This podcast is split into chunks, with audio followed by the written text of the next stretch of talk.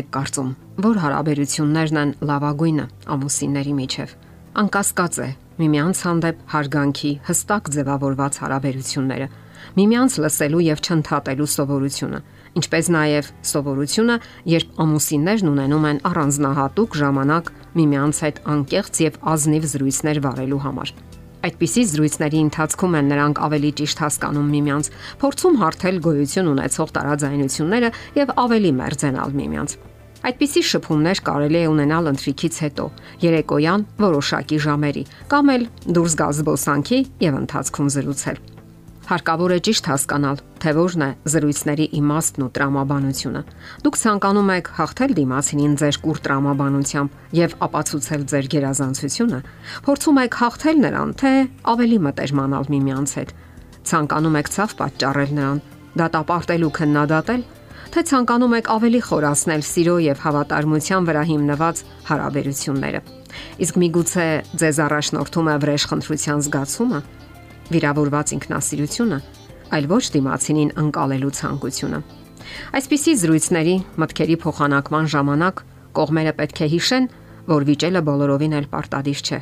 եւ որ գոյություն ունեցող տարաձայնությունները այս կամ այն հարցի վերաբերյալ միանգամայն բնականon են եւ նույնիսկ օգտակար, որովհետեւ դուք տարբեր անznավորություններ եք եւ կարող եք ունենալ ձեր սեփական մտածումները, սեփական անznական տարածքն ու աշխարհայացքը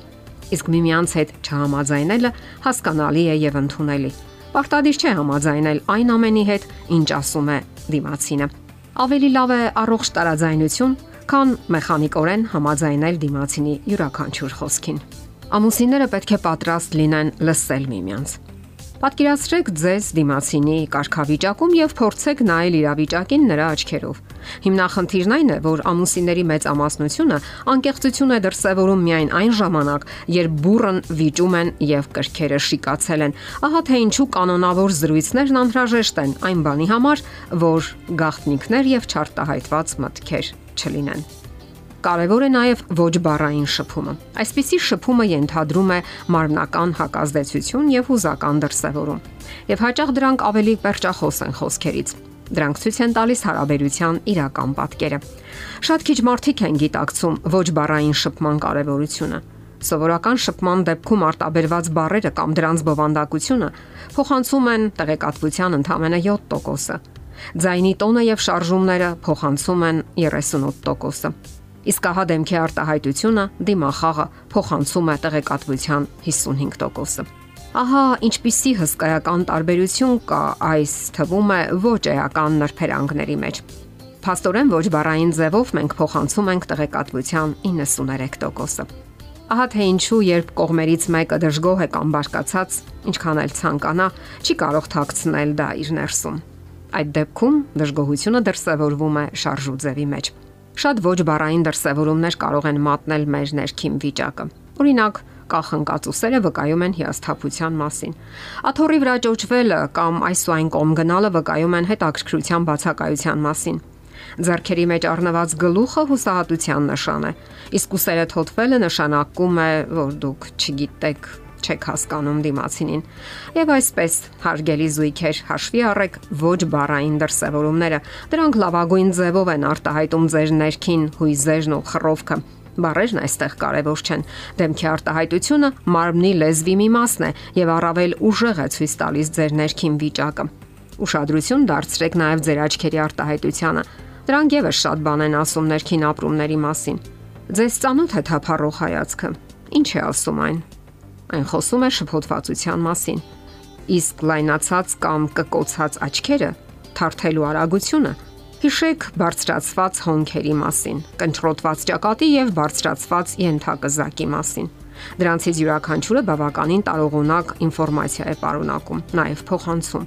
Չէ որ երբ դուք ծիծաղում եք, ջերմություն եւ երջանկություն եք տարածում ձեր շուրջ բոլորը, իսկ երբ մռայլ եք թթված, միայն անբավարարություն եւ դժգոհություն։ Այստեղ մի զգուշացում եւս։ Հաճախ հնարավոր է սխալ թարգմանել դիմախաղերը կամ շարժումները։ Հնարավոր է սխալվել եւ դա մինոր թյուրիմացության առիթ կհանդիսանա։ Նախքան մի բան ասելը հարկավոր է ճշտել։ Ճիշտ եք հասկացել դրանք։ Ավելի լավ է հարցնել, քան սխալվել։ Չէ որ այդ ոչ բառային դրսևորումները հաճախ երկակի իմաստուն են։ Հարկավոր է կիսվել նաև երազանքներով։ Սա եւս կարևոր է։ Ժամանակ առ ժամանակ քննարկեք ապագայի ձեր տեսլականներն ու ծրագրերը եւ պարզապես ձեր երազանքները։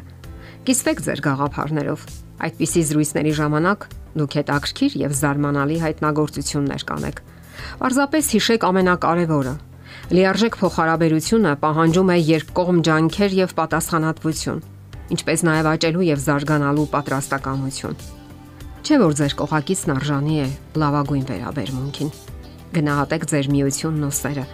Ձգտեք բարելավել այն ամեն ժամանակ։ Ահա լավագույն հարաբերությունների կարևոր սկզբունքը։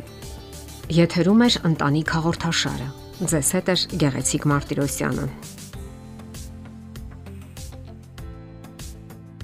Հարցերի եւ առաջարկությունների դեպքում զանգահարեք 041 08 20 93 հեռախոսահամարով։ Հետևեք մեզ hopmedia.am հասցեով։